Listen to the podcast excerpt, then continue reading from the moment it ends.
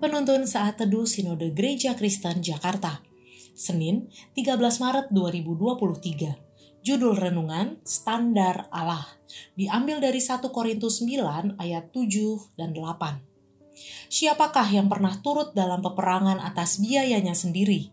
Siapakah yang menanami kebun anggur dan tidak memakan buahnya?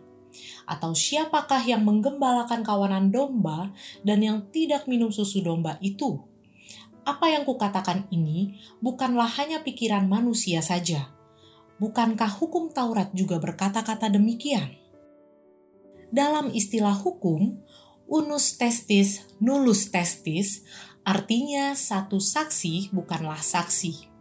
Pernyataan seorang saksi tidak memiliki kekuatan pembuktian yang kuat pembuktian dianggap sah apabila memiliki sekurang-kurangnya dua alat bukti yang sah agar dapat menjatuhkan pidana atas kesalahan terdakwa.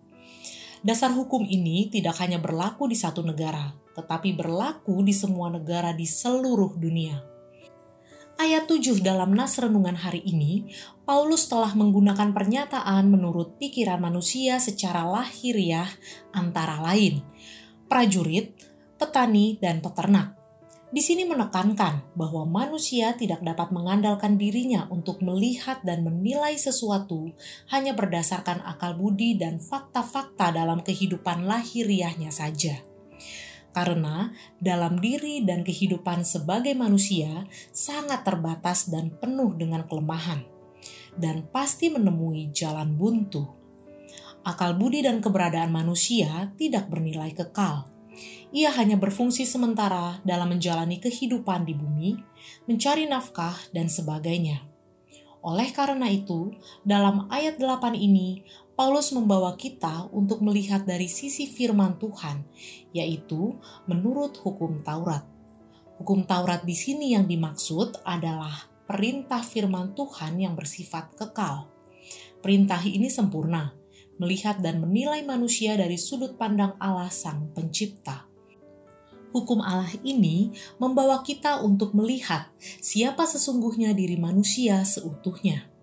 Manusia penuh dengan kelemahan, keterbatasan, dan dosa. Kacau dan bahkan akan haus dan binasa tanpa hukum Taurat. Pemasmur dalam Mazmur 119 ayat 92 berkata, Sekiranya Tauratmu tidak menjadi kegemaranku, maka aku telah binasa dalam sengsaraku manusia memang menggunakan akal budi dan pengetahuannya untuk kehidupannya. Tetapi ia juga harus menerapkan sisi rohaninya, yaitu dari sisi hukum Allah. Keduanya mesti utuh. Kita harus dapat dipertanggungjawabkan dalam kedua hal itu. Nilai-nilai kebenaran ini mutlak dibutuhkan dan dimiliki setiap orang percaya penerapan terhadap dua segi kehidupan manusiawi yang terbatas dan nilai-nilai rohani, kebenaran ini harus berjalan seimbang. Karena kita menghadapi dan membutuhkan keduanya dalam kesehari-harian kita. Kita membutuhkan firman Tuhan sebagai standar kebenaran yang menghidupkan untuk mengerjakan segala hal. Kiranya peringatan Nabi Hosea ini menjadi perhatian untuk kita. Umatku binasa karena tidak mengenal Allah karena engkaulah yang menolak pengenalan itu, maka aku menolak engkau menjadi imamku. Dan karena engkau melupakan pengajaran Allahmu, maka aku juga akan melupakan anak-anakmu. Tidak ada satupun hukum yang sempurna, karena itu buatan manusia. Milikilah firman Tuhan sebagai standar hukum Allah, maka Anda akan seperti Dia yang sempurna. Terpujilah nama Tuhan.